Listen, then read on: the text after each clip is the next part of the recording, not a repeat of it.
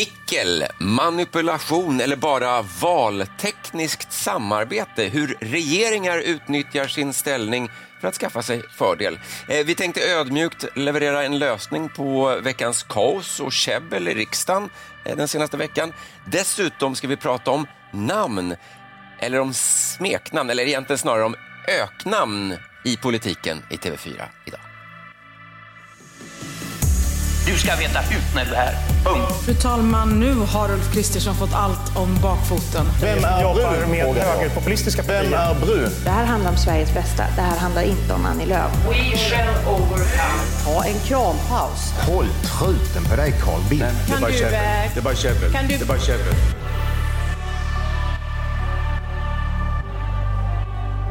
Inte bara käbbel, men nu är det ju faktiskt egentligen bara käbbel i vår riksdag. Ännu en vecka med högt politiskt tempo. Per Hermarud finns här i studion. Kul att du är här. Ann Tiberg finns här också som vanligt. Jag heter Johan Macéus och jag vet inte Ann, när jag mötte dig i veckan, det har varit ganska högt tempo. Det var nästan så du såg lite utmattad ut. Ja, jag tror det här, det- vi- ibland kommer vi till ett läge där politikerna är irriterade men den här veckan tror jag tusan vi kom till ett läge där de politiska reportrarna var irriterade och, och beredda att börja käbbla att nu får ni tusan ge er. Det var faktiskt så och det berodde ju på det här som vi har hört. Så nu vädjar vi till alla andra partier i pensionsgruppen. Kom med ett svar! Så här, om vårt förslag kostar 5 miljarder kronor mer att genomföra än regeringens förslag, hur kan det då bli mindre pengar? Det finns en majoritet för det i riksdagens kammare. Men då väljer högeroppositionen via ett paragra- paragrafrytteri att stoppa det förslaget från att ens prövas. Om regeringen ändrar sig när det gäller vapenexport till Turkiet då kommer du inte att rösta på en extra ändringsbudget. Det stämmer. Ett häpnadsväckande besked. Socialdemokraterna säger nej till mer pengar till polisen, mer pengar till försvaret, mer pengar till Ukraina och säger nej till att alla Sveriges pensionärer ska få mer pengar. Det är ju häpnadsväckande. En sån suck nästan, eller? Hur kände du Per? Du var ju också nere i allt det här kaoset precis som han. Ja, men alltså jag tycker det här crescendot på hela den här mandatperioden egentligen, det, har bara, det, har, det började eh, med kaos och det har, har i stort sett bara ökat och nu är det, det förutom att det är ett massa käbbel så är det också närmast total förvirring tror jag, åtminstone bland svenska folket. Jag tror inte många av allmänheten begriper vad som händer i riksdagen egentligen nu. Förutom att man hör det här, de bråkar med varandra, men vad, vad, vad bråkar de om och varför? Och så där. Jag tror tittarna är totalt förvirrade. Och det man undrar är ju precis, vem bråkar de för? Vem har de i mål?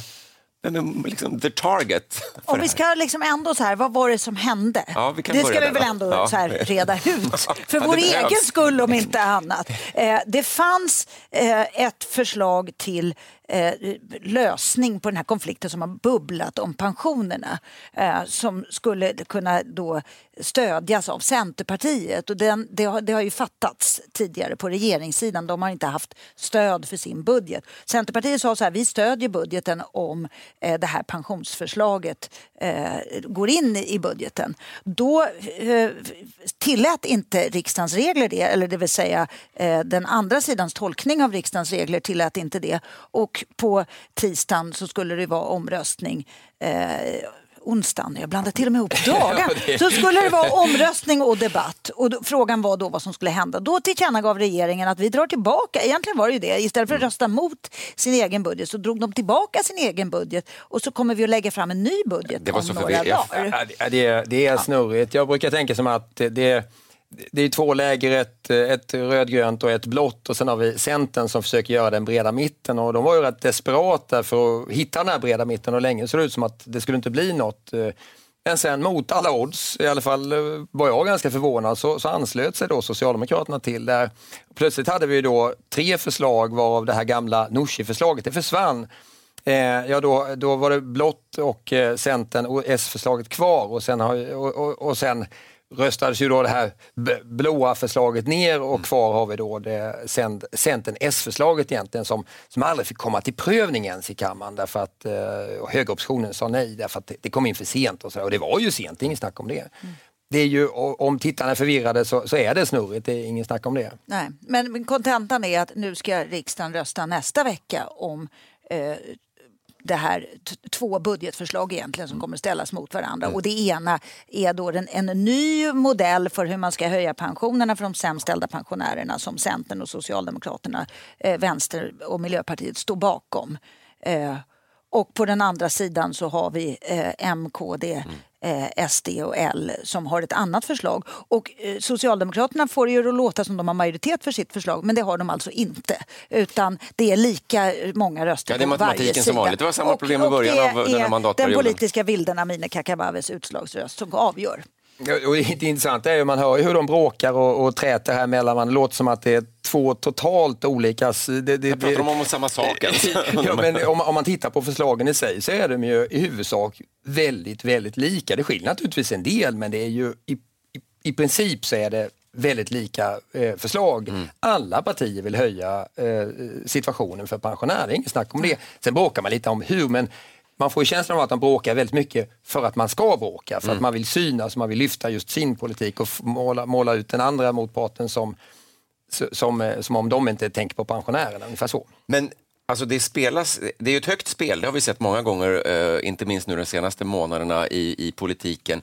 Men nu är det, har det ju nått en ännu högre nivå, för nu är ju spelet så högt att man faktiskt sätter semesterdagar på spel, sina egna semesterdagar, eller? Ja, det kan man säga för att eh, eh, riksdagen har ju en avslutning eh, och ska så att säga Gå på sommarlov. gå på sommarlov. Den också. Nu brukar jag påpeka att riksdagsledamöter är inte anställda. De har ett uppdrag och de har inte semester i formell mening. Vet de om det själva egentligen? Ja, fast de låtsas säga att, de, att det inte är så. Nej. Nej, inte så att jag, eh, det kom ju alldeles för en stund sedan så kom ju det här nya förslaget. Det är samma text fast de skickar ut igen då, så att det ska komma. Den så att det blir extra forme- ändringsbudget, formellt ja. rätt den här gången. Så, men både Mo- Moderaterna och KD, alltså högeroppositionen, när man frågar dem så säger de att ja, men vi kommer nog, det kommer nog gå undan ganska snabbt. Så att man kan fråga sig vad är det som lockar? Är det pensionärernas bästa, Ja. sett deras, eller är det liksom hängmattan och midsommarsnapsen som är viktigast? Lite elakt sådär, men, men nyss var det väldigt viktigt att, att träta och nu plötsligt när sommaren hägrar så, så är det inte lika viktigt. Samtidigt ska man komma ihåg en sak. Att det, det som står på spel här är ju egentligen inte semestrarna utan det är eh, oppositionens för, för oppositionens sida så handlar det här både om att de kanske tycker att deras förslag är bättre men också att eh, den här situationen ger dem eh, tillfälle att markera hur svag regeringen är. Eh, och det är ju en historiskt svag regering, eller? Och, ja, eller? Och varje gång man, ja vi ska återkomma till det, det var en liten bra teaser, men jag blir- blir bara nyfiken för, att- lite som ni är inne på, vem, för, för vem man gör det. För pensionärerna eller för att misskreditera andra sidan och visa hur matematiken faktiskt ser ut. Eller för Magdalena Andersson så handlar det egentligen om NATO-ansökan. För varje gång Amineh Kakabaveh ska avgöra så handlar det inte om sakfrågan som det handlar om, utan då handlar det om någonting annat på hennes agenda. Ja, men Amineh Kakabaveh har ju, har ju en, det är en helt exceptionell position hon har kommit i. Hon har ju, hon har ju så att säga mer eller mindre tillsatt den här regeringen. Eh, och sen så lät hon Morgan Johansson sitta kvar. Eh, tyckte hon var en bra idé, då kunde hon bestämma det. Och sen så hade hon nu också möjlighet då att bestämma över budgeten och över, över landets alla pensionärer. En enda person som inte tillhör något parti alls. Eh, det är ju exceptionellt. The sweet spot i politiken eller? Ja, jag kan berätta att jag hittade faktiskt en Ja. text om den här situationen. Ah, i en Så ny bok eller? Ja, det är en- typ en bok. En bok? Ja, så jag tänkte vi jag skulle läsa upp den. Lyssna noga. Eh, istället för en styrelse av en majoritet med en opponerande minoritet fick vi en styrelse av koalitioner av flera minoriteter som ständigt byttes ut. Med en opposition som faktiskt mindre opponerade än utövade inflytande över politiken genom förhandlingar i utskotten. Vi fick inte majoritetsregeringar utan minoritetsregeringar med en i många fall mycket smal parlamentarisk bas. Denna politik kom att kallas vågmästeri och präglade hela 1920-talet. Oj, jag skulle ju säga att det var en reflektion över 2020-talet, men Så vad hände? Så var det på 1920-talet. Den här boken är skriven av Leif Levin och handlar om statsminister Arvid Lindman kan jag berätta. Så det ju, har ju varit likadant väldigt, väldigt länge naturligtvis. Det är ju, det är ju, ja, det är ju talande. Det är det ju. Det var när man då just hade en ny konstitution som man hoppades skulle eh, leda till... Parlamentarismen hade just haft sitt genombrott och man eh, hade en idé om hur man skulle regera Sverige. Och så här blev det. Ett poddtips från Podplay. I fallen jag aldrig glömmer djupdyker Hasse Aro i arbetet bakom några av Sveriges mest uppseendeväckande brottsutredningar. Går vi in med hemlig telefonavlyssning och, och då upplever vi att vi får en total förändring av hans beteende. Vad är det som händer nu? Vem är det som läcker? Och så säger han att jag är kriminell, jag har varit kriminell i hela mitt liv men att mörda ett barn, där går min gräns. Nya säsongen av Fallen jag aldrig glömmer på Podplay. Det här är Politiken i TV4, inte bara käbbel. Vi pratar just om det faktiska bara käbblet som varit eh, nu den senaste tiden. Men Ann, eh, ingen verkar hitta någon riktig lösning på det här kaoset, men du har en lösning, eller? jo, nej men jag, jag, jag, man ska ju komma ihåg att eh, när vi hade haft val 20, eh, nu måste jag komma ihåg åren här, 2014, 2018. Mm. Eh, så hade vi ingen riktig regering och så fick vi en väldigt lång regeringsbildning. Vi hade ingen majoritet som kunde styra och vi fick en regeringsbildning som varade hela hösten. Mm. Det gick inte att bilda en regering. Eh, och skälet till att det inte gjorde var att talmannen ställde kravet att den regering som han eh, föreslog, den statsminister som han föreslog, måste göra troligt att den kunde få igenom sin budget. Mm. och det resulterade i januariavtalet eh, så småningom som ju då ledde till att regeringar kunde få igenom sin budget. Mm. Sen eh, dess så har talmannen slopat det där kravet för vi, vill inte, vi stod inte ut med att ha en så lång regeringsbildning. Så att när regeringen Löfven 2 skulle tillträda efter att ha avgått efter misstroendeomröstning för ett år sedan så ställde inte talmannen kravet på att han skulle få igenom sin budget. Och när regeringen eh, Magdalena Andersson 1 tillträdde i höstas så ställde inte heller talmannen kravet på att hon skulle få igenom sin budget. Effekten av det här är att det är lättare att vinna en statsministeromröstning än att få igenom sin politik. Mm. För, statsminister, för att vinna en statsministeromröstning så räcker det med att du inte har 175 ledamöter som röstar nej till dig. Eh, medan för att få igenom din politik så måste du ha 175 ledamöter som röstar ja mm. till mm. politiken om ni förstår vad jag menar. Så att eh, den enkla lösningen skulle ju vara att man har ett minimikrav på att eh, om en statsminister ska kunna tillträda så måste den kunna få igenom sin politik. Mm. Då får vi kanske lite långsammare regeringsbildning. Och det är precis det som de här diskussionerna förs just nu mellan partiledarna där, där Socialdemokraterna och Moderaterna åtminstone försöker komma överens om det här och mycket pekar ju mot det. De pratar om det här nu, det är inte särskilt långt kvar till valet. Det kommer naturligtvis påverka om vi ska få ännu en höst med en enormt lång, eh, många försök att bilda en regering. Eh, det, så är det ju. Och då Beroende jag... på valresultaten naturligtvis. Ja, men då, då tänker jag på den här 4 spärren som ju när vi varje gång rapporterar, SCB e kommer med någon stor partisympatiundersökning, vi har våra väljarbarometrar, ja, man ligger under 4 spärren. Borde man inte bara höja den där spärren då och då får vi färre, då blir kanske matematiken lättare? Eller? Ja, ja men alltså man har ju lite olika lösningar i olika länder. I Israel har man tre tror jag, i Turkiet hade man tio innan och de har gått ner till sju. I Turkiet då, så är problemet om man har för hög spärr så är det ju väldigt många personer som inte får vara med. Då. Eh, jag menar om man har eh, 100 procent, ja då får man bara ett parti med. Ju, ju lägre spärr man har desto fler är ju välkomna. Nackdelen med att ha en låg spärr är att det blir väldigt många partier som blir med. Det blir helt ogörligt att, att regera och då brukar ju lösningen bli att man, att man samarbetar mellan, att man skapar koalitioner istället. Mm. Så att man har löst det på lite olika sätt i, i, i olika länder men vi har landat i den här 4 spärren som ju har sina brister. Eh, ett konsekvens av det är till exempel Amineh Kakabaveh nu då. Mm. I, i, i, men, men eh, Frågan är vad alternativet är. Mm. Finns det något bättre alternativ eller får man så att säga, välja mellan två icke-perfekta ting? Det är lite så. Nu vet inte jag om jag skulle säga att det här är ett skäl av ett resultat av spärren. Kakabaveh är ju vild, politisk vilde så att hon har ju lämnat sitt parti och vad, vad vi har just nu är ju en situation med, med eh, där det står precis jämnt mellan de i och för sig icke-existerande blocken för att de finns ju inte längre eller hur det nu är. Mm. Eh, så att just den här situationen vet jag inte om man löser genom att höja eller sänka spärren. Nej, det kan naturligtvis uppstå, uppstå ändå. Ja. Men, men, men man, ja, eller så här va, alternativet är att man inte har personval och att man då låter partierna bestämma. Så kan man göra, så gör man i många länder. Eh, då skulle ju Nooshi Dadgostar bestämma över, över Amineh Kakabavehs röst. Mm. Eh, nackdelen med det blir ju att då blir ju partiledarna allsmäktiga. Då får ju de en enorm makt så att säga. Är det, är det bättre? Ja, man får så att säga väga för, för och emot. Det, det är liksom det man landar i. Det finns ingen optimal lösning så man får ta den som är bäst eller den som är minst dålig om man, om man så vill. Ja, eller så här, eh, att partigrupperna har så att, säga, att man har en, en disciplin över sina partier, det är ju en sak. En annan sak är ju eh, om du så att säga, inte skulle tillåta att partiet äger ett mandat och inte den person som har blivit framröstad. Men vi har ju gått mot ett system med personval. Så, så eh, Amineh Kakabaveh till exempel tror jag har en ganska stor andel personröster.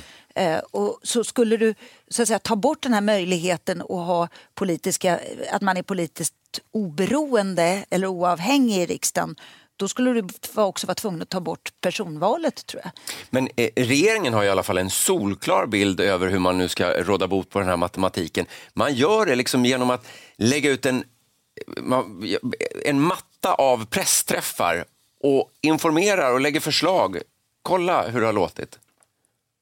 Så, välkomna hit då till en pressträff om ytterligare ett antal lagförslag som vi nu ska gå vidare till lagrådet med. Så, välkomna hit då till den här digitala pressträffen. Så, välkomna hit. Så, välkomna hit. Så, välkomna hit då till den här pressträffen där jag ska berätta om den utredning som vi nu avser att tillsätta för att skärpa straffen ytterligare. Så, välkomna hit då till den här pressträffen. Så ja, välkomna hit då till eh, faktiskt den första av två presskonferenser som jag ska ha i, idag.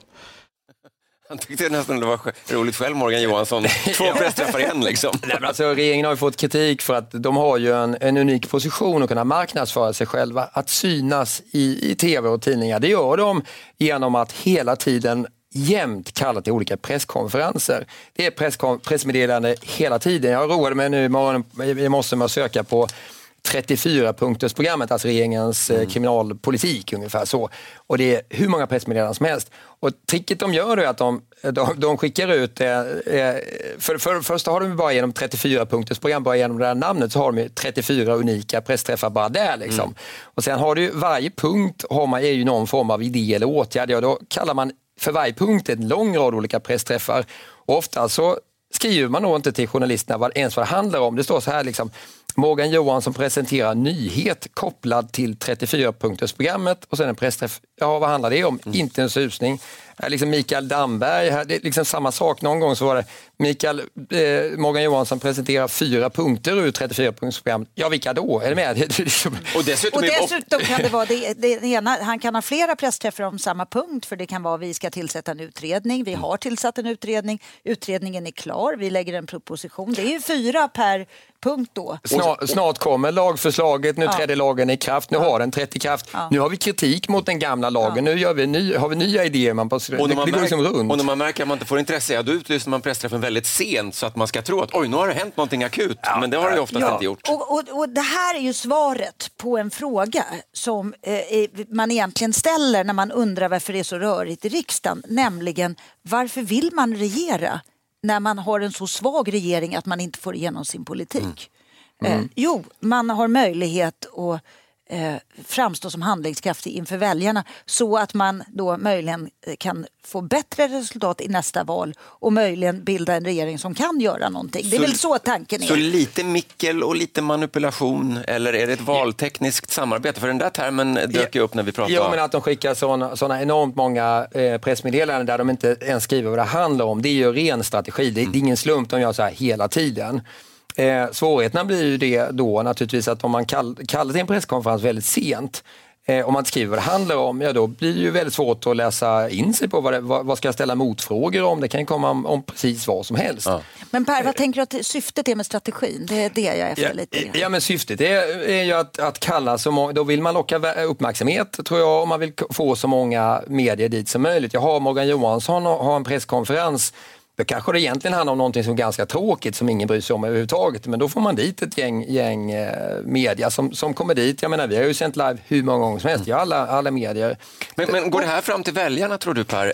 Eh, alltså, så det, här- nej, det här tror- pressmeddelanden känner inte väljarna till. Nej, men jag tänker att, att verkar regeringen handlingskraftig på det här sättet? Alltså, Jo, får jo. det fler att... Ja, Jo, jo, men det gör det. Alltså, man har ju konkretiserat på det här då, 34 punkter. Det, är ju, det, är liksom, det låter ju bra. Man har 34, det är många punkter man har. Och det Man- blir ju som en bombmatta av framträdanden, Mm. i, om uttrycket tillåts, i media där, där regeringen framstår som handlingskraftig. Mm. Det håller jag med dig om. Men jag tänker också att när substansen saknas, för problemet är ju med en hel del av de här Kanske inte just de du läser upp här, men en, en del av de här vet vi ju inte ens om de går igenom i riksdagen. Nej, för de har inte Därför att de har inte majoritet. Nej. Så att, så att i sak, det var någon som sa till mig en gång så här, eh, skillnaden mellan en regering och en opposition är att regeringen kan producera nyheter medan oppositionen bara kan producera bjäbb. Eh, men just nu har vi faktiskt en regering som presenterar bjäbb. Fast de gör det på bästa sändningstid och, får, och det ska, borde vi också, där är ju vi också, eh, ska vi Precis. säga, ganska snåla numera med vad vi sänder. Så, Ja, men- så, så men att det är vi ju har- inte så att vi berättar allt det här som de gör. I, ärlighet, ja, men I ärlighetens namn har vi också, alla medier har ju sänt ut eh, saker som regeringen har presenterat på presskonferens som det är en nyhet som det, det låter som att det kommer bli verklighet. Det är ju många, många sådana saker, till exempel det här förslaget om att alla skulle få tusen kronor mer, i, till alla bilägare skulle få tusen spänn mer, mer Som riksdagen sen fällde. det lät ju som att det, ja men det var ju, tidningarna skrev ju så, du kommer få tusen spänn, det är ofta så, eller när budgeterna presenteras, då, du tjänar på budgeten och du, vilka är Det är som vinnare en reklamfilm. Så är det ju, men det är inte, som han säger, det är inte långt ifrån säkert att, att det blir verklighet. Så det borde vi bli bättre på tycker jag och berätta för tittarna att det inte alls alls är säkert att det blir så här.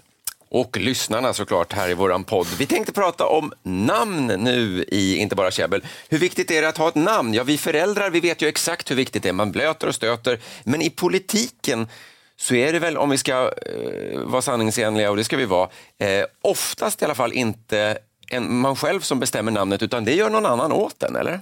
Ja, om man är regering så är man ju regering och om man är opposition så är man opposition.